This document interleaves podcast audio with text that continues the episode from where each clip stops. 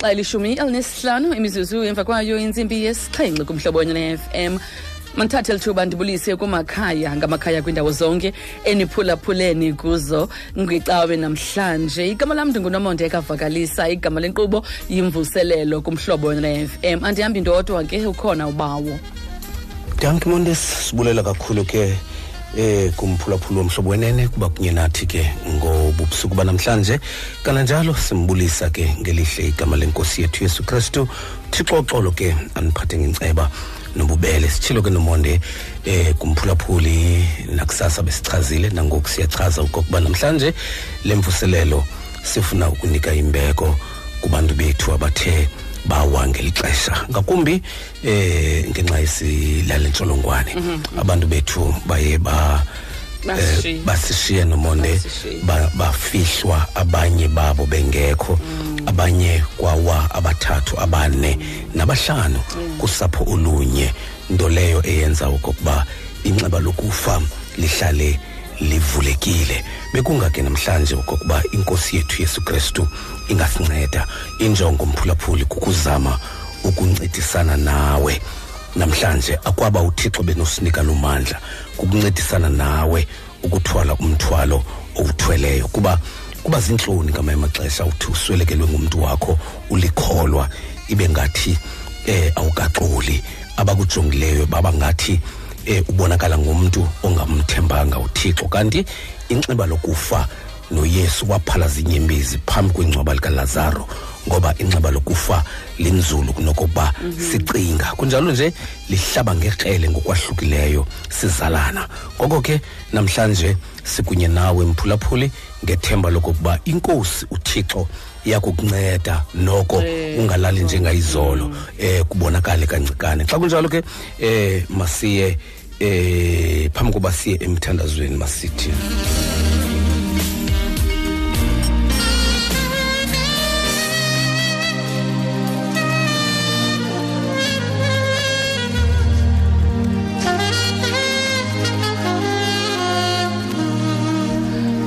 kanti ke emnxebeni xa imizuzu ilishumi elinesixhenxe emva kwayo intsimbi yesixhenxe siza kumema umfundisi oza kusivulela ngomthandazo kanti emnxebeni ukhona umfundisi um umongameli phaya emthatha umfundisi ugeja mandikubulise ke president molo sesinomonde kunjani namhlanje hayi sikhona inkosi esigcinile kunjani sesi siyaphila ubawo uyasinceda um masesicele ke mfundisi wam into yokokubana usole usewusikhokhela ngomthandazo nkosi masithandazeni nkosi elungileyo um thixo onamandla onke sibulela ngobu bomi osithe bona sibulela nkosi ngokukodwa ngamathuba okuzuzwa kwefefe okokuba nkosi sithi naphantsi kwaziphi iimeko usiphi inyoba yokokuba siliphakamisa igama lakho elingcwele nangokuhlanje nkosi phakathi kwenhlungu naphakathi kwentandabuzo sisabulela nkosi ukuba nothixo nguwe nothixo njengawo sithi nkosi noba ngamanye amaxesha siphakathi kwamadaba sithandabuzisayo nasibangela ukoyika size noxa kunjalo Thandaza ngokodwa ke Nkosi ngokuhlwa nje xa sikhumbula abanye bethu abaye bawa nkosendleleni sisifo se-covid-19 and abanye nkosi besifa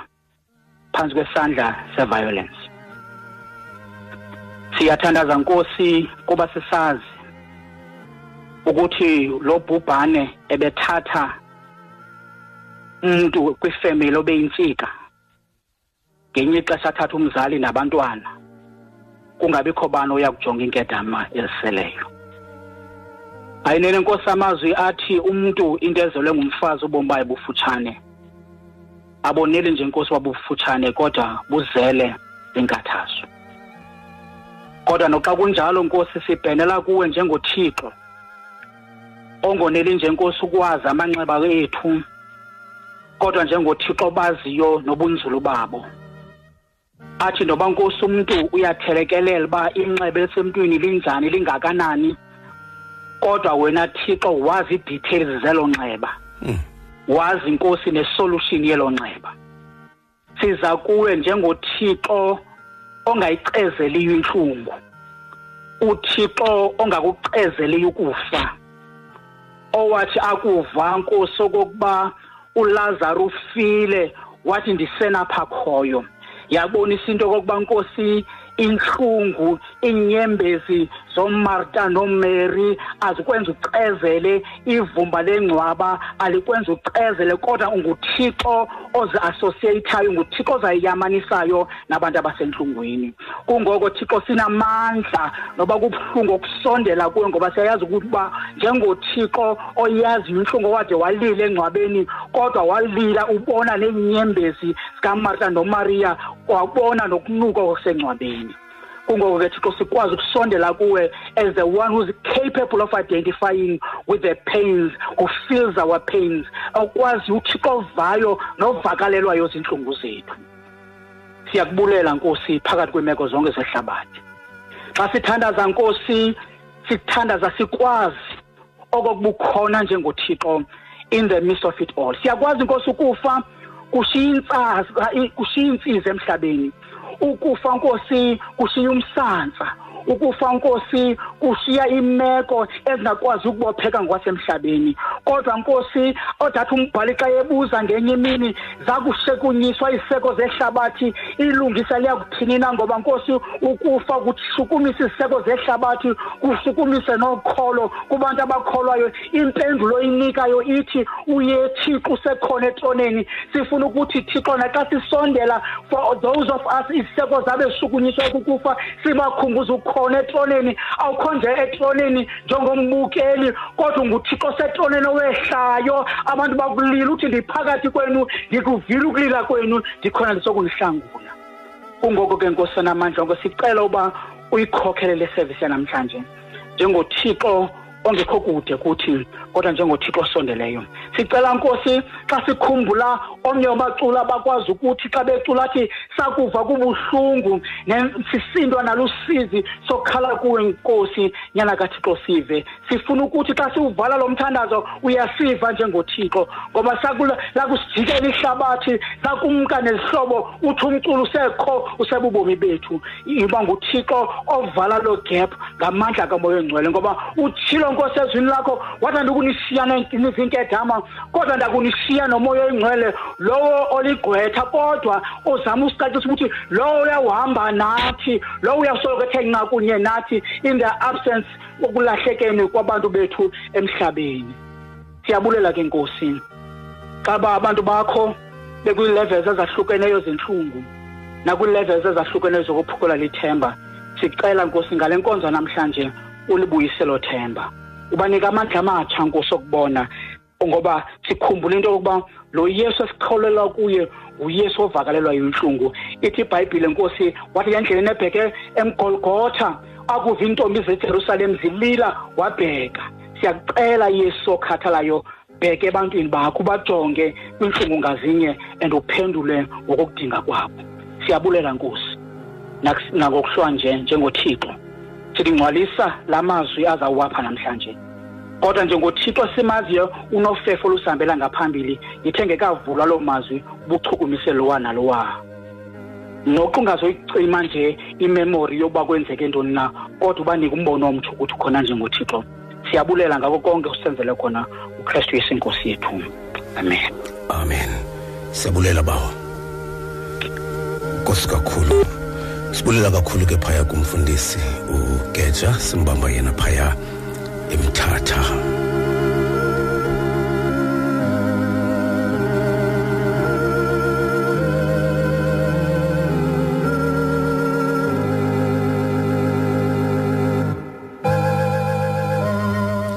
masisifumane ke isifundo sethu kwincwadi yabaseroma isahluko sesesibhozo ivesi yeshumi elinesibhozo the book of romans chapter 8 verse 18 kuba ndigqiba kwelithi iintlungu zeli xesha lakaloku nje azinakulinganiswa nobuqaqawuli obuza kutyhilwa kuthi kuba ukulangazalela kwendalo kulinde ukutyhileka koonyana bakathixo kuba indalo yalulanyiselwa okungelutho kungenakuvuma kwayo kungenxa yawululamisayo inethemba lokuba nendalo ngokwayo iya kukhululwa ebukhobokeni bokonakala bokonwakala isindiswe enkululekweni yozuko labantwana bakathixo kuba siyazi ukuba yonke indalo iyancwina inenimba kunye unangoku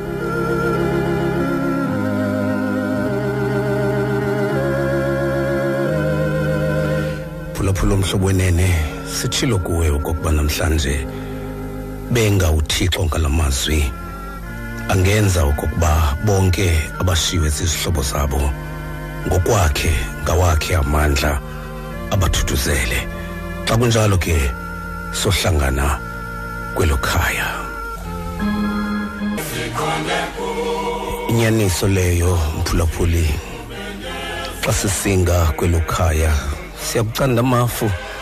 siyokuhlangana kunye nabo esi kunye nabo sithetha nje emiphefumweni yethu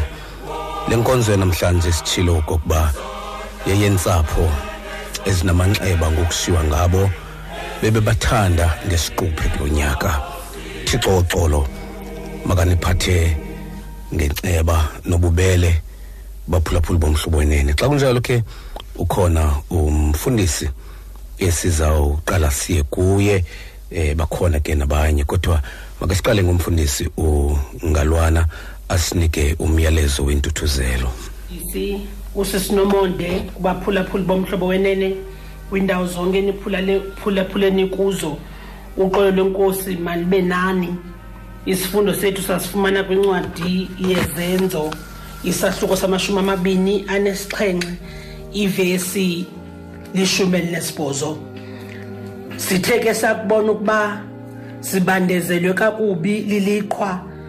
ngomhla olandelayo bawuphungula umthwalo nangowesithathu sayilahla ngezandla zethu impahla yomkhombe kuthe ke kwakubona ukuba akubonakali langa nankwenkwezi iintsuku ezininzi ucinezele neliqhwa elingelincinane laphela kwathi tu lonke ithemba lokuba singasindiswa eli lilizwi lenkosi ubomi bethu ke busezandleni zikathixo ukuba buyaqhubeka okanye buyaphela ngoku yinto thina esingenakwenza nayo ibuhlungu injalo kodwa funeka siqonde uba siphila ngobabalo lwakhe kuphela upawulos ke apha basuswa kwenye intolongo basiwa kwenye intolongo bahamba indlela engentlanga noko njengoba sisazi into yobana ezantsi emhlabeni siseluhambeni uthi ababezawudlula ke kumanxweme ngamanxweme nakwimimandla ngemimandla kodwa endleleni ethile badibene nomnye umkhombe owawungowase-alexandila batshintshelwa khona kodwa nasekubeni betshintshelwe nje umoya wawunamandla kunzima kakhulu ukuhamba phambili kodwa bafika kwidolophi ethile emveni kwexesha elide belibazisekile upawulos watyhilelwa ngumoya kathixo ukuba makungahanjwa uhambo olu luza kuba neenxwaleko nokonakala kodwa bamnanza noko kwakhutshwa ke iiankile zokubophelela inqanawe kodwa umoya wawustrongo zasiphuka umoya wazidudula inqanawe kunzima kakhulu bathi bakubona ukuba babandezelwe kakhulu liliqhwa bawuphungula umthwalo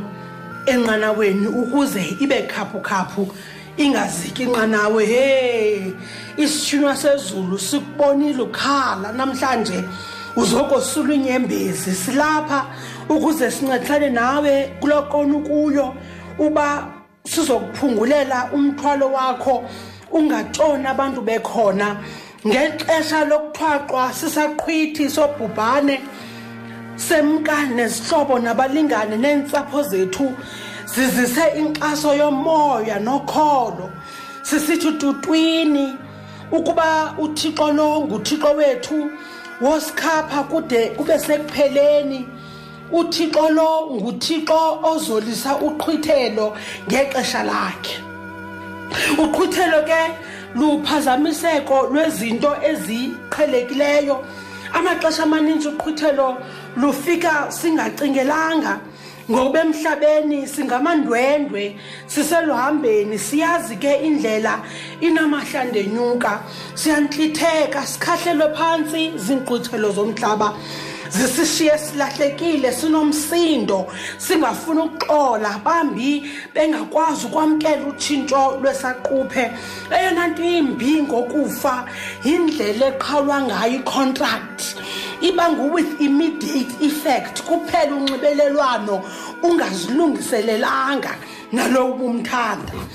ukufa ke lolona qhwithelo lonzakalisa ngamandla emphefumleni singakhawulezi sikwazi ukuzimela ngeenyawo kwakhona ngakumbi ke olu lwecovid belinemigqaliselo enzima ibisenza sizive silahlekelwe tu ubuntu bethu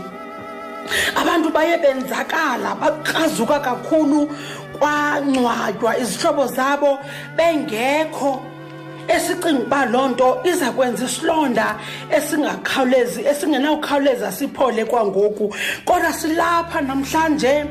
asizanga nanto ibhetele nganto futhi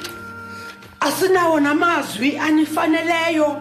asazi nto inokuniphilisa ingenye ngaphandle kwelizwi lethemba elithi uthixo wafukama esithokothokweni sobumnyama wathi makubekho ukukhanya kwabakho ke ukukhanya bathandekayo enkosini nathi namhlanje sizokuniphungulisa umthwalo ningazikelwa zinqanawa abantu bekhona futhi asifuni nokuba ngathi siyayidelela okanye siyithatha kancinci into yokuswelekela kwenu zizihlobo zenu inxeba lokushiywa linxeba linzulu sithututwini mzontsundu siphethe ilizwi likathixo ukuvala izikrobe ezishiyekileyo neziva zokufa ezishiyekileyo ezintliziyweni zenu thina esingena kuziqonda nokuzilinganisa nanto abanye bayazisola bathi umama uyiphathelwe ndim le covid okanye umlingane wam nabantwana bam bendiphangela bona behlele endlini don't be too hard on yourself it's not your fault amagama wona ebesecwangcisiwe akho nto ubunokuyenza okunqanda isigqibo sikathixo ubomi bethu busezandleni zikathixo noxa okwa kaloku nje izinto azinantsingiselo uhleli wedwa endlini umane usithi zaphalala inyembezi ndakuba ndindedwa ndakucinga ngabanintsi abangasekhoyo apha beka ithemba lakho kuye uthuthuzeleke hlala ethembeni lokokubana ngokuhlwa kukulalisa ukulila kwakusa kwakubekho umemelelo ngoku sincedana nani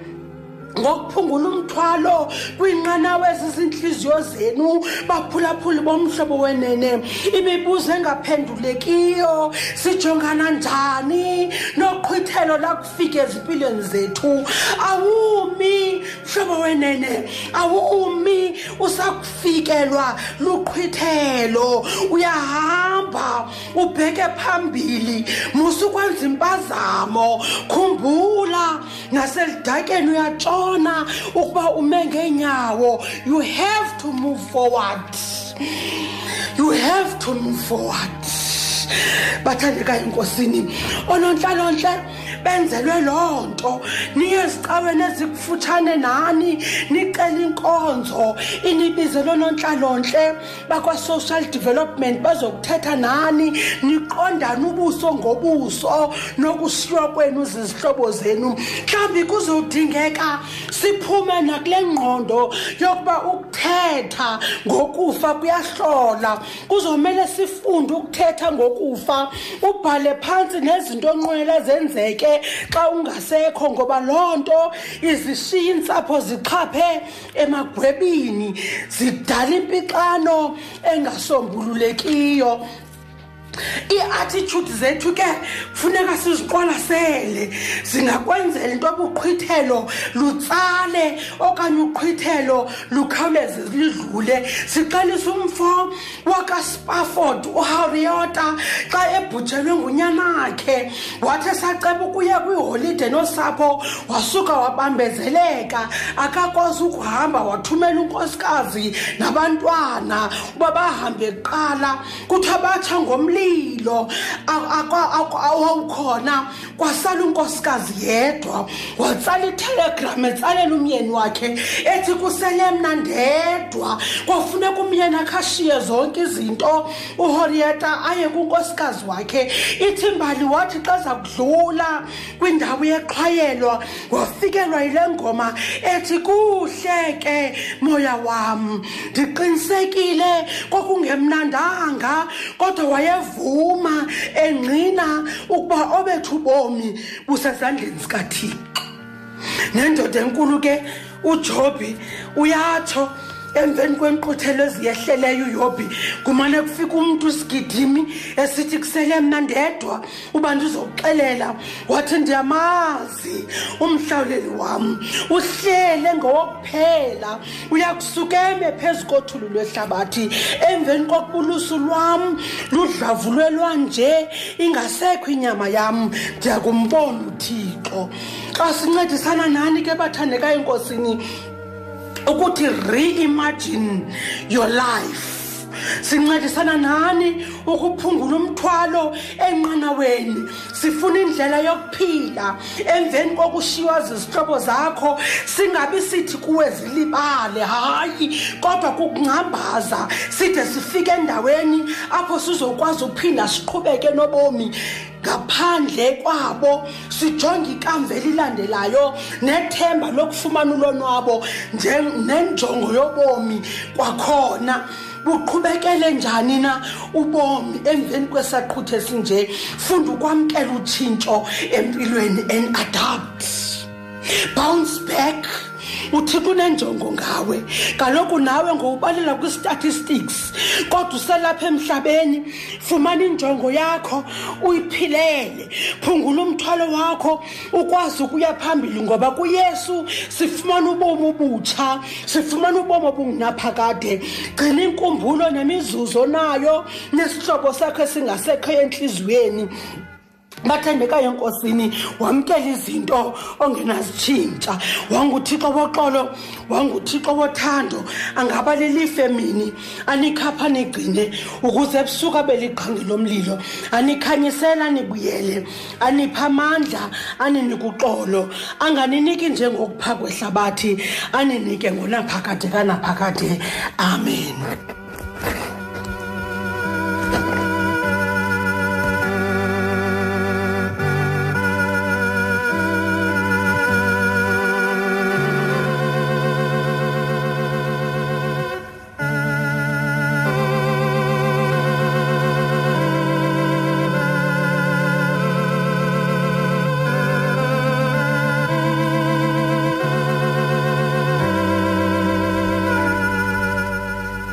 thuthuzelekani nina bakhe umkileyo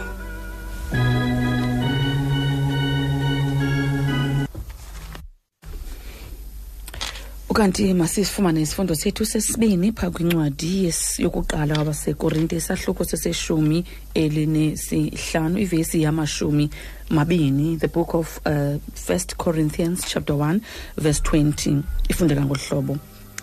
ukristu ye- ukristu yena kunje uvukile kwabafileyo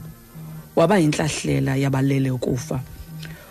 kuba ekubeni kaloku kungumntu ukufa kokwangumntu ukuvuka kwabafileyo kuba njengokuba kuye uadam bafa bonke kananjalo nakuye ukristu bayakudliswa ubomi bonke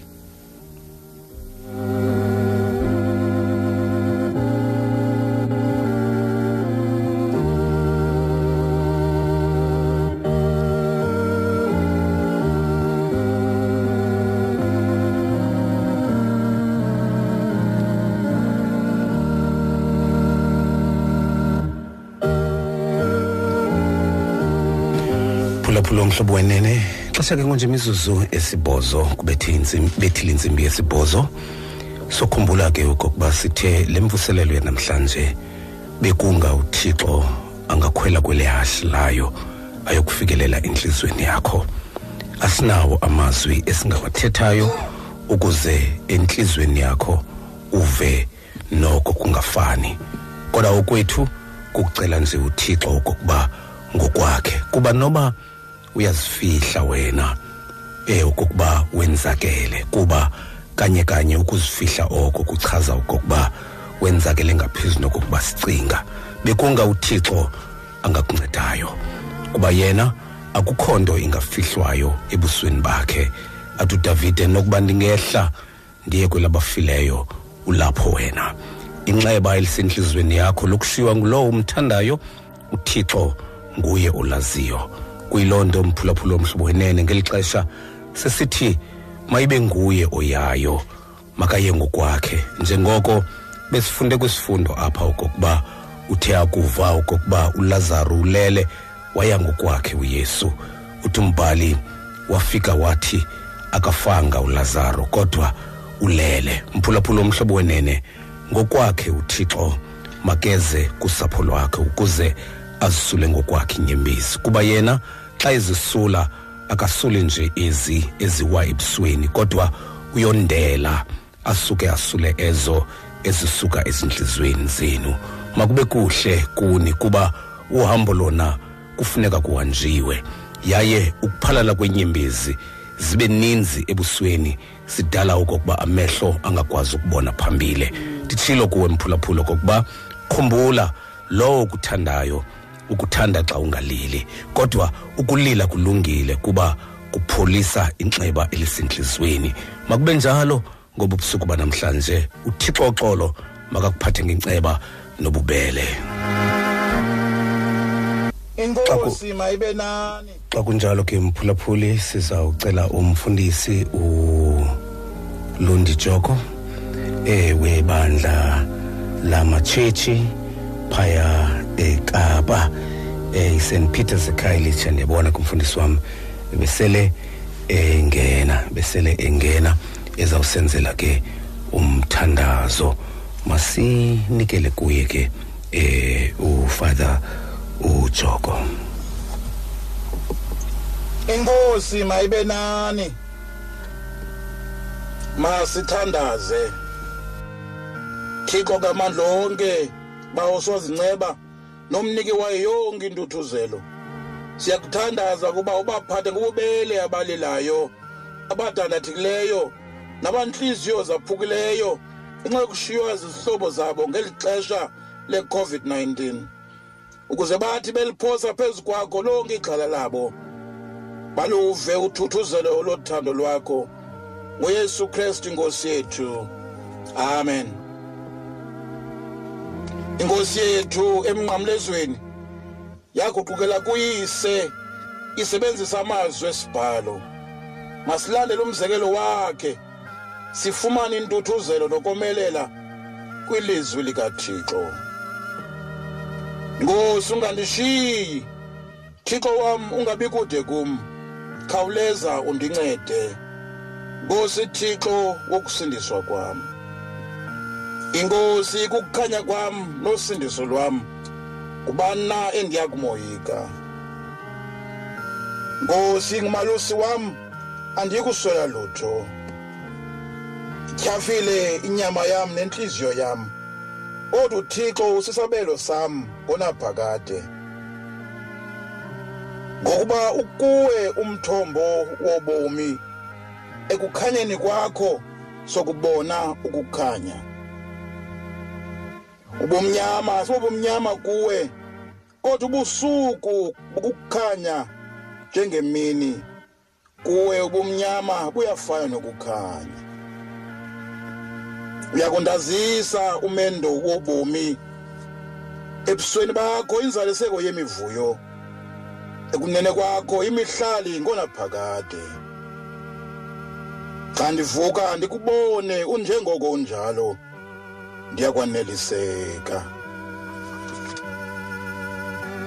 kuba ndigqiba kwelithi iintlungu zeli xesha lakaloku nje azinakulinganiswa nobuqhaqhawuli obuza kutyhilwa kuthi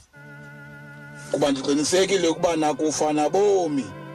nazithunywa zezulu nazilawule naziphatha mandla nanto zikhoyo nanto zizayo nabuphakamo nabunzulu nasinye isidalwa esisimbi asikuba nako ukusahlula thina eluthandeni lukathixo olukukrestu yesu inkosi yethu azisule uthixo zonke inyembezi emehlweni yabo kungabisabakho kufa kungabisabakho nasijwili nakukhala nantlungu ngokuba izinto zokuqala zigqithile akuyi kubakho ubusuku khona bafuna isibane nakukhanya kwelanga ngokuba inkosi uthixo ibakhanyisela bayakulawula kusemaphakadeni asemaphakadeni amen ingoma kasimyoni ngosi uyamndulula umkhonzi wakho enoxolo ilizwi lakho lizalisekile ngokuba amehlo am aluboni lusindiso lwakho olulungisileyo ebusweni bazo zonke izizwe izikhanyiso zokutyhilela iintlanga uzuko lwabantu bakho amasirayeli benze baphumle ngonaphakade nkosi bakhanyisele ngokhanyiso olungacimiyo benze baphumle ngonaphakade nkosi bakhanyisele ngokhanyiso olungacimiyo masithandaze bawo siza kuwe sisentlungwini sithemba uthando lwakho ngabo sibathandayo abathe bashiya nangathi siyazi ukuba ukufa akunakusahlula eluthandweni lwakho olukuyesu kristu inkosi yethu lukholo lwethu olu nkosi lwandise ukholo lwethu bawo unyana wakho uyesu walile engcwabeni likalazaro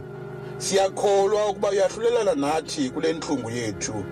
waye uya kusomeleza kwilahleko yethu lukholo lwethu olu nkosi lwandise ukholo lwethu bawo uyesu wafa ukuze sixolelwe sithemba uxolelo lwakho ngabo sibathandayo abathe basishiya nangathi lukholo lwethu olu nkosi lwandise ukholo lwethu bawo wanikela okuphela konyana wakho ukuze bonke abanokholo kuye bangafi kodwa babe nobomi obungunaphakade lukholo lwekerike olu lukholo lwethu olu amen haleluya ngamane imiphefumlo emakhulu angasekhoyo ngaphumla ngoxolo inceba kathixo ivuke ngozuko amen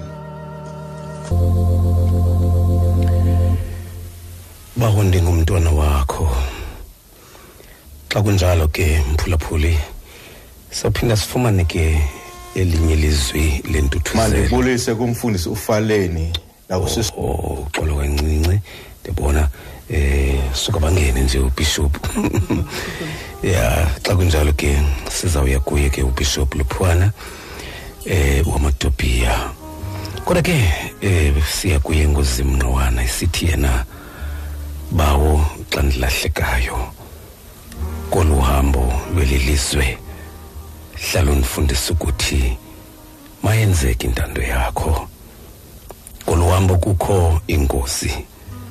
kuluhambo kukho intshaba sesithunywe nguwe zonke kodwa mayenzeke intando yakho xa nikwenu nihluthe into ebendiyithanda ndoba ndibuyise yakho uyakuba wena uthathe into ibiye yakho kakade kodwa nalapho makwenzeke intando yakho ndakuhliwa nakukufa ndihluthiwe onke amandla ndakuzama ngalakhoyo ukuthi nalapho makwenzeka intando yakho guqula iyam intando uyifanise neyakho suse konke ukukroka ukuze kwenzeka intando yakho ndakuphelelwa zinyembezi ukukhunga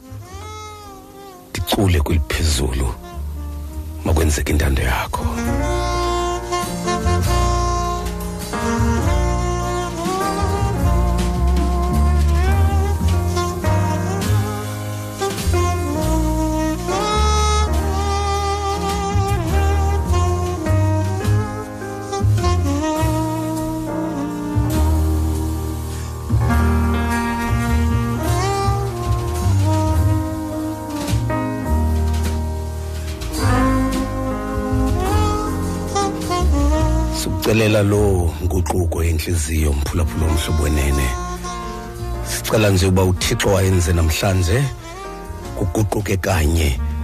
laa ntliziyo yentlungu nenyembezi ukuze kwenzeke intando yakhe kuba ngubani onokuma phambi kothixo ngubani onokulwa naye ayiphumelele lo mfazwe makwenzeke intando yakho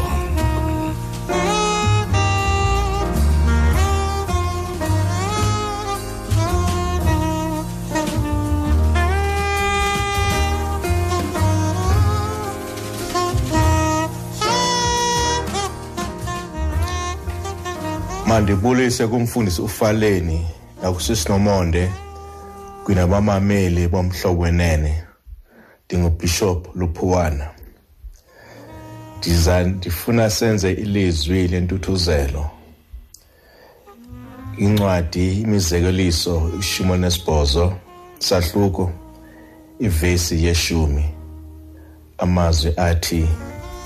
yinqaba ende eliqele igama likayehova ilungisa ligidimela kuyo libe sengqondweni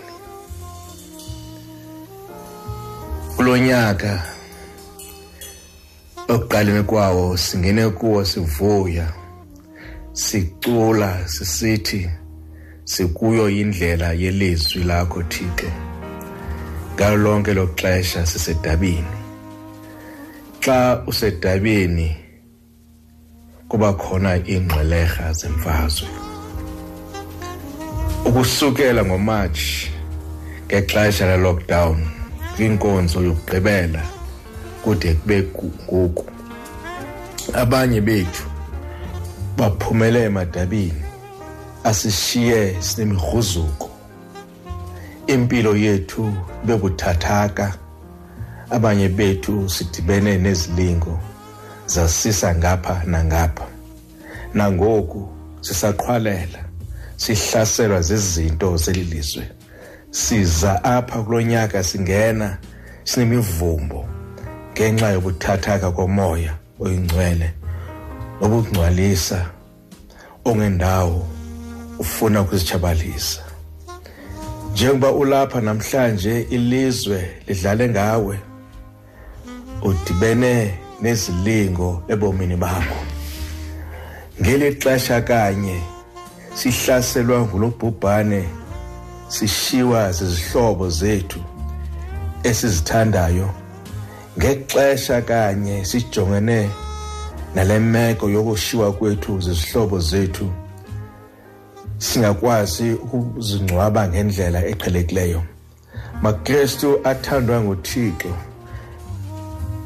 ndifuna sijonge amazwi entuthuzelo la akhe incwadi imizekiso eshumi nesibhozo ivesi yeshumi amazwi athi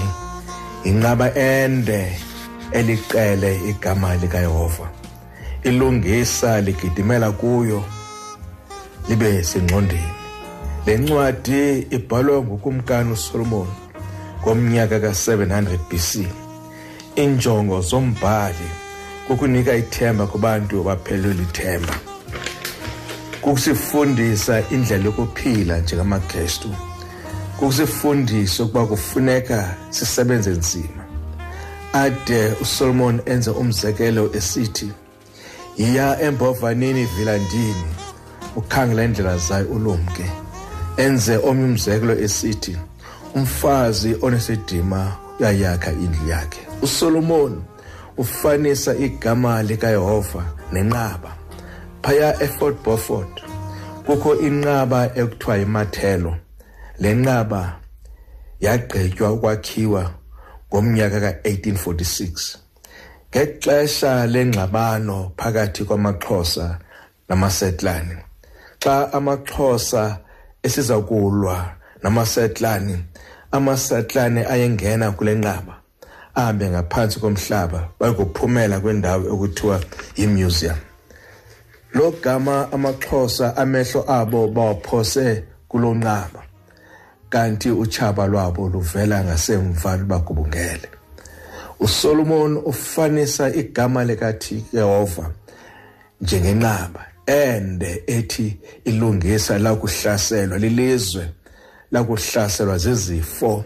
lakuhlaselwa kukufa libalekele kwinqaba eligama likayehova ukuze lisinde inqaba esithetha ngayo ligama likayehova ekufuneka ukuba amehlo ethu siwaphose kuye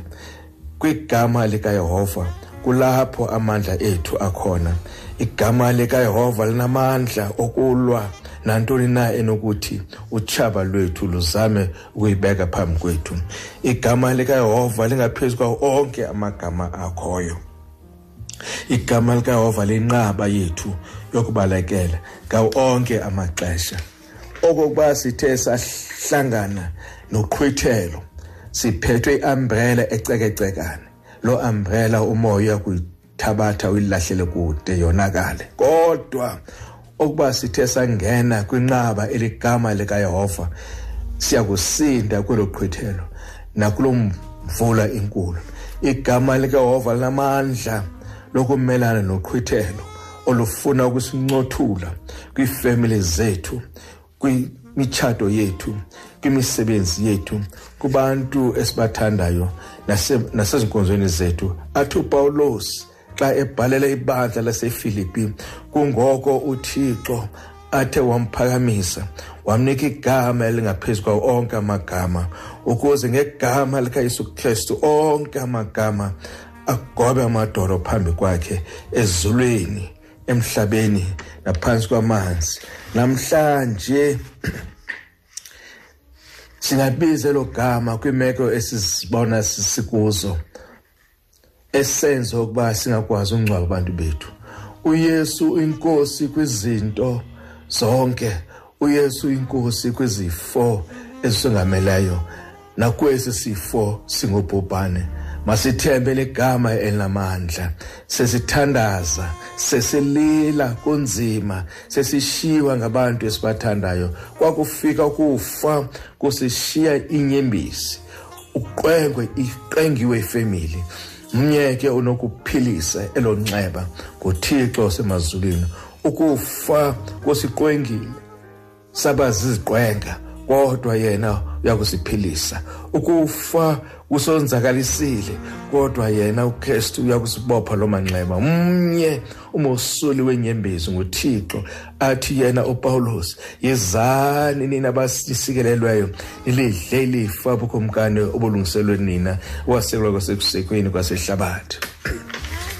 thina athi azosule inyembezi ngabikho sabakho kulila nasijweli apho abasalambi apho abasanxwanwa kumkile kodinwa kubo masibakhululeni bagodokile bangene kwinqaba eligama likayehova uthixo uya kubasindisa kwizifo uya kubasindisa kwiintlupheko zeli lizwe uyawusindisa kwiintlungu zeli lizwe masibakhuleni makristu amahle yindlela yokoduka bagodukile babheke ekhaya mnyamezelani makristu siyazi ukuba kubuhlungu ndiyazi uba ke kubuhlungu kunzima ewe ukufa kona kwakungeyiyo iplan kathixo kudala kwakhe umntu kodwa ngenxa yesisono esaba khona emhlabeni kwabakho lifa ukufa ukufa athi xa ithetha umbhale athi ukufa kulutshaba utshaba sijongene nalo masingene nenqanaweni singene kwinqaba yakusindisa ngokude naphakade amen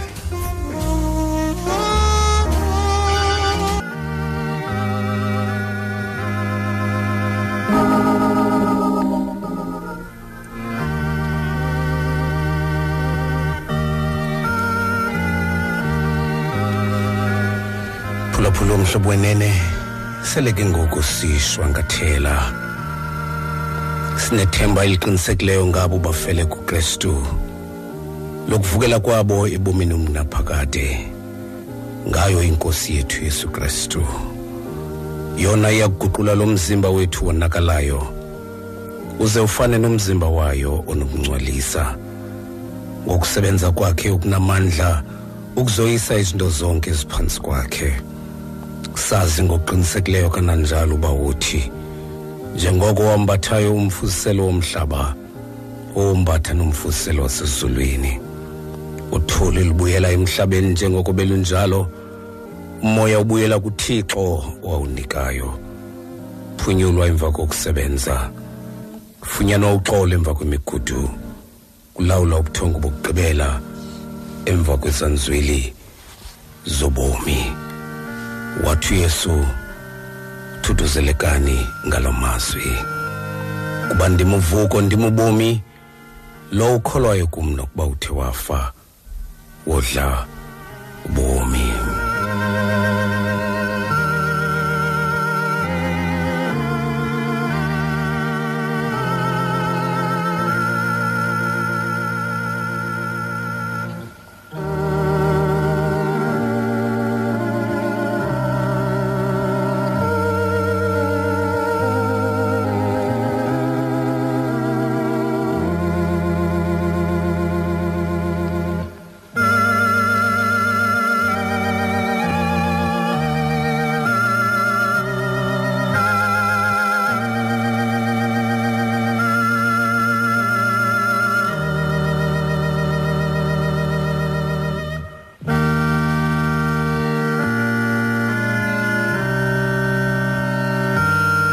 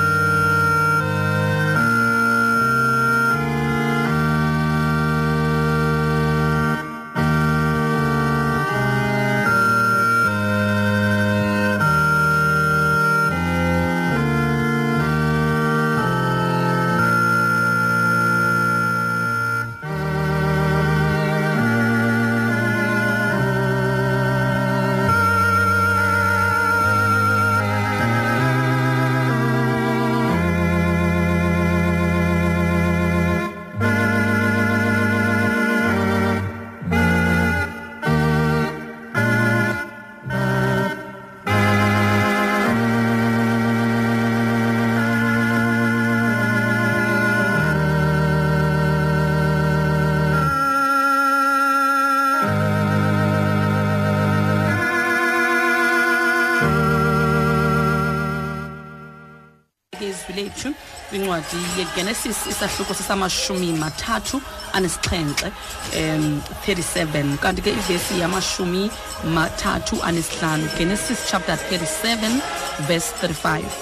ifundeka ngolu hlobo besuka bonke oonyana bakhe nazo zonke iintombi zakhe beza kumthuthuzela akavuma ukuthuthuzelwa wathi ndiya kuhla ndiye kunyana wam kwelabafileyo ndisenza isijwili uyise wamlilela ke inkosi mayikusikelele ukufunda kwezwi layo ngokude benginaphakade amen amen ophulaphuli bomhlobo wenene njengoba efundile unomonde besuka bonke onyana bakhe nazo zonke iintombi zakhe beza bamthuthuzela akavuma ukuthuthuzeleka wathi ndiyakuhla ndiye kwelabafileyo ndisenza isijwili wamlilela ke usapho lukayakobi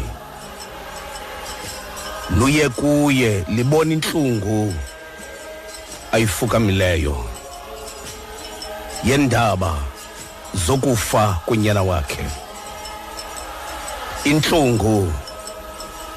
ekubonakala ukuba iyamtya uyakobi kuba ukufa kuyasulela kutya okumtyileyo ondulukileyo kutye nabahleliyo ewe bantakwethu kunjalo ukufa kutyhutyha iintshaba zabo zegazi ngobunzulu bobudlelwane kubantu nalowo undulukileyo sisigqibo sosapho lukayakobi sakuphawula uba isingathi elinxeba lokufa limhlabanisele umandla kaphili ewe kubanda kwethu lo mfo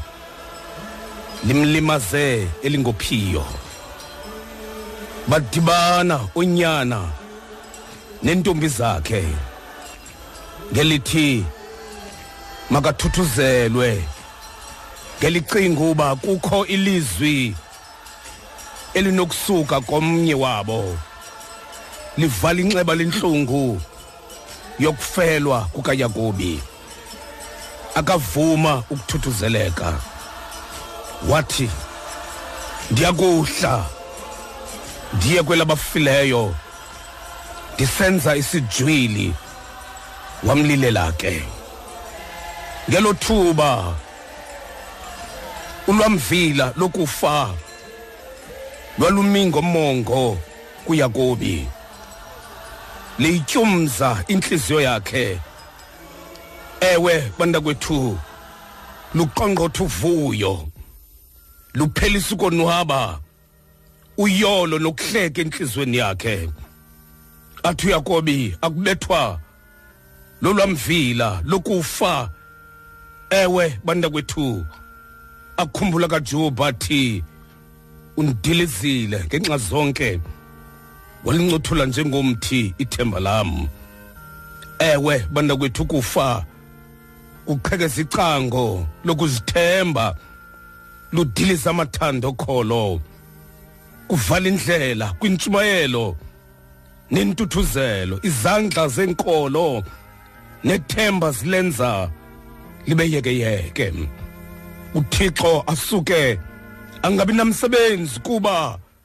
engenakuphendula ngokukhawuleza imibuzo yokwethuka ukudana nokuphelelwa luhambo olude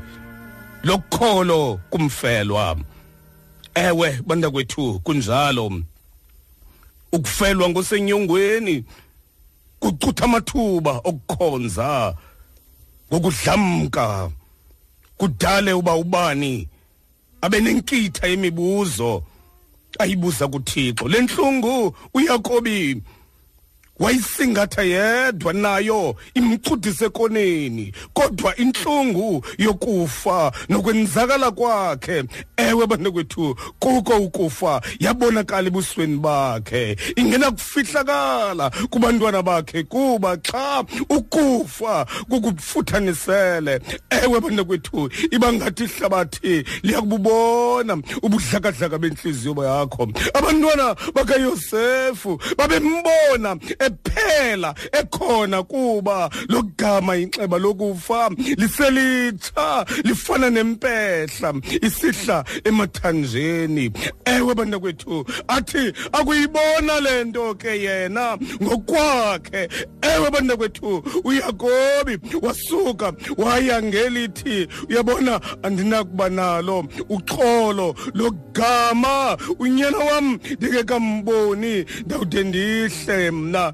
ndiye kwelabafileyo ewe bantakwethu apho ndicinga khona okokuba ndakuhlangana naye ngoxolo unyana wam ewe bantakwethu kunjalo akho kakade amathuba anjalo amathuba okuzisola namathuba okumdela uthixo le ntlungu yayimcudanisele abantwana bakayokobi babembona ephela ngok kuphela uyise inxeba lokufa limfuthanisele athunahom ogama linguvuyiseka okanye uvuyelwa ndingunina ewe bantakwethu kamalon nokiliyam umka elimeleki ethi ndingurharhayo igama lam kuba uyeva uyenze yabakrarha intliziyo yam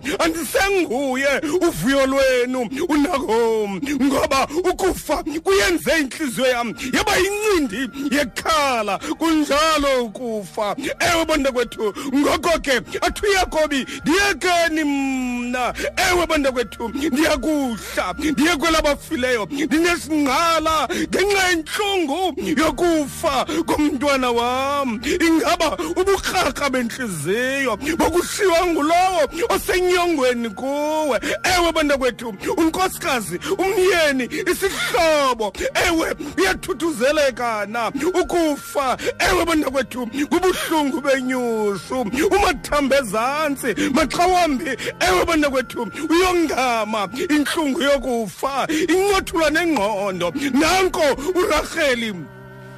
isikhalo sakhe sihlokomisa amawa nentaba yaserama ewe bantakwethu ngenxa yokufa fa okuthathe abantwana bakhe elila njengoyakobi kungekho ntuthuzelo inokumthuthuzela kuba ukufa kubathabathile abantwana bakhe kaloku kufa akunakholwa akunamhedeni ewe bantakwethu kumakholwa kuhexisha uthando lwawo kuthixo luze kubahedeni lunciphisa ithemba lenkolo kuye uthixo kambe inkolo yokumazi uthixo idlule kufeni nasekufelweni ngulowo osenyongweni kuwe ewe bantakwethu kuba ukufelwa kudala intandabuzo kuye uthixo kunciphise ukumthemba kuqhawula amathuba okuthandaza athi uyobhi emva komyalelo othi bathi bafe bonke kusele mna ndedwa ukuze ndikuxelele ewe bantakwethu athi ukuba umfolo uthe wafa wophilana bendinga ndingalinda kude kufika ixesha lokukhululwa kwam ewe bantakwethu kuba kaloku ukufa kukunika ingqondo yoba uthixo ukungathile ebona kwethu wakugqiba ukumkhonza ukumthanda kangaka kuyophi andazi andinakwazi kodwa elamingqina lisemazulwini ukufa kwenza ubani abelilolo ngomphefumlo ngenyama nomzimba ewe bona kwethu limenza ubani abeyedwa abelilolo phakathi kwabantu kudala isithukuthezi phakathi kwemiyoli yona ingoma ewe bontekwethu isizunguzane sengxolo ekwezakho iindlebe zodwa ewe bontekwethu eli krele lokufa lakhe lamhlabanisela unyangele mihla nankuya phezu kwengcwaba likalazaru iinyembezi zakhe zigqobhoza umhlaba ngenxa yenxeba lokufa esithi umariya edidekile ewe bantakwethu nodadewabo umarta uba ubukhona ngengafanga umntakwethu lonke ikholwa elifelwe ngelomthandayo linombuzo ebelingathanda ukuwuphosa kuthixo umbuzo lowo ewe bantakwethu okhatshwa ziinyembezi athi kanti luphi uthando lwakho ewe bantakwethu bendiba uyandithanda nawe uliuthando apha amandla akho ukufa kunciphisa ukumazi nokumthemba uthixo elinxeba ewe bantakwethu ngokukayakobi linxeba likanaphakade eli ewe bantakwethu lididisa ingqiqo kuthixo ewe bantakwethu ndiyakuhla ndiyakulela abafileyo ndisenza isijwili ngenxa yonyana wam ewe bantakwethu namhlanje sithetha nabo bonke abenzi bezijwili ngenxa yokuhlaselwa kukufa ewe bantakwethu abancumileyo ebusweni kodwa beqaqanjelwa esintliziyweni zabo ewe bantakwethu kwalila indoda kathixo emaziyo neendlela zakhe zonke iinyembezi ziphuma entliziyweni etyumkileyo esiva ubukrakra ebantokethu obaviwa ngunabhoti kwindlela eya nebuya ekufeni ewe bantokwethu ukufa kuluhambo lokubuya kuthixo athi obangayo kanye okolo hambo hlala undifundisa ukuthi mayenzeka intando yakho ewe bantokwethu uhambo lokufa lunengozi kodwa wena thixo xa ewe bantakwethu uthe wandihlutha into ebendiyithanda ndakuthi ububuyise yakho kakade ewe bantakwethu mayenzeka intando yakho ndakuhliwa nakukufa amandla am aphele onke ewe bantakwethu ndakusuka nditsho ndicula kweli phezulu mayenzeka intando yakho ewe bantakwethu akuphela amathuba okumkhonza nokumdumisa uthixo kakade ukufa kudidisa intliziyo ibe njalo isuke ingaboni isizathu sakubuyela kuthixo ngenxa yokumzonda nokumkhalimela uthixo ewe bantakwethu ushwankathela ke lo mculi ngelithi ndakuphelelwa mna zinyembeza khunga amandla omthandazo amazwi yokuthandaza angasekho ndakusuka ndithi mayenzeka intando yakho ewe bantu kwethu umpostile wentlanga umkiliki uthe ezama ukunika ichiza kweli nxeba bazalwane andithandi okokuba ningazi mayelana baleli ukufa ukuse nina ningabi buhlungu njengabanye abangenathemba bona kuba xa sikholwa uba ukristu wafa wabuya wavuka ewe bantakwethu nabalele ukufa ngaye ukristu kuba siya kutsho kuni uba thina basaseleyo asiyi kubaphangela abalele ukufa kuba inkosi ngokwayo iyakuhla inendanduluko inelizwi leziphatha zithunywa ewe bantakwethu kanti ke thina bamkhonzayo uthixo silandela ukrestu noyintlahlela yokufa sakuba sizezona ntsizana kubantu bonke ewe bantakwethu abalahlekelweyo ewe bantakwethu okokuba ukrestu akavukanga uabram etyiwa yintlungu eshiwe ngumkakhe usarayi ethandaza ewe bantakwethu bendinga ungandiva efrayem ndikunike igolide nemali ndinike nzithuba lokokuba ndincwabe umkam ewe bantakwethu wahlawula naku uabraham emamre wamlilela apho umkakhe usarayi wamumpathisa ngenyembezi ewe bantakwethu kunjalo ewe abafelwa ewe ngabo basenyongweni kubo kunjalo nalelithi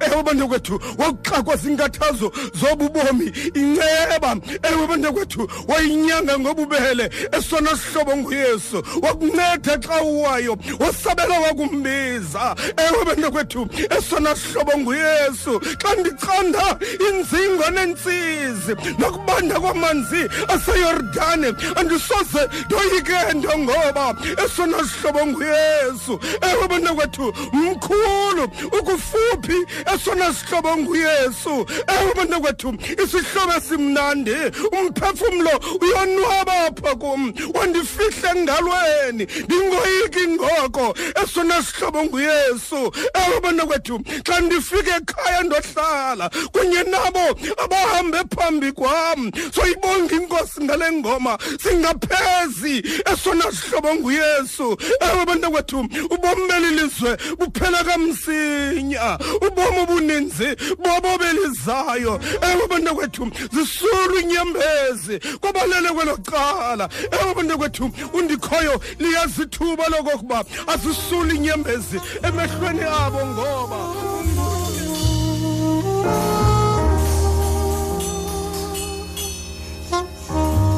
masithandaze thixo somandla ehlala kuye imiphefumlo yabasishiyileyo siyakubongoza ukubana ngenceba yakho sithi sinelifu elingakanana nje lisingqongileyo lamanqina masithi siwubekile nxamnye wonke umthwalo naso isono esinokusirhawula ngoku sisisisulu silubaleke ngomonde ugqatso olubekwe phambi kwethu ukuze sibamkeliswe ubutyebi bokungeniswa ebukumkanini bakho singumqulu omnye namakholwa asanduleleyo thixo unaphakade wena ungamandla abantu abantu ababuthakathaka nomonwabisi wabakhe abantu abadangwileyo uve ngenceba umthandazo wethu siyabacelela kuwe abo bantu banezinqala balilela kuwe mabomelezwe bathuthuzelwe nguwe kuzo zonke iintlwaleko zabo bembese ngomoya wakho bakholelwe ukuba wena uyabuguqula uburharha ezintliziyweni ubenze ukonwaba noxolo amen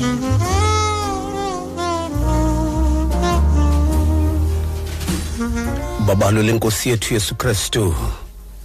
thando likathixo ongubawo budlelwane bomoyingcwele bebungabungaphumla kuthi idibuye inkosi yethu yesu kristu bonke abakholwayo bathi amen, amen.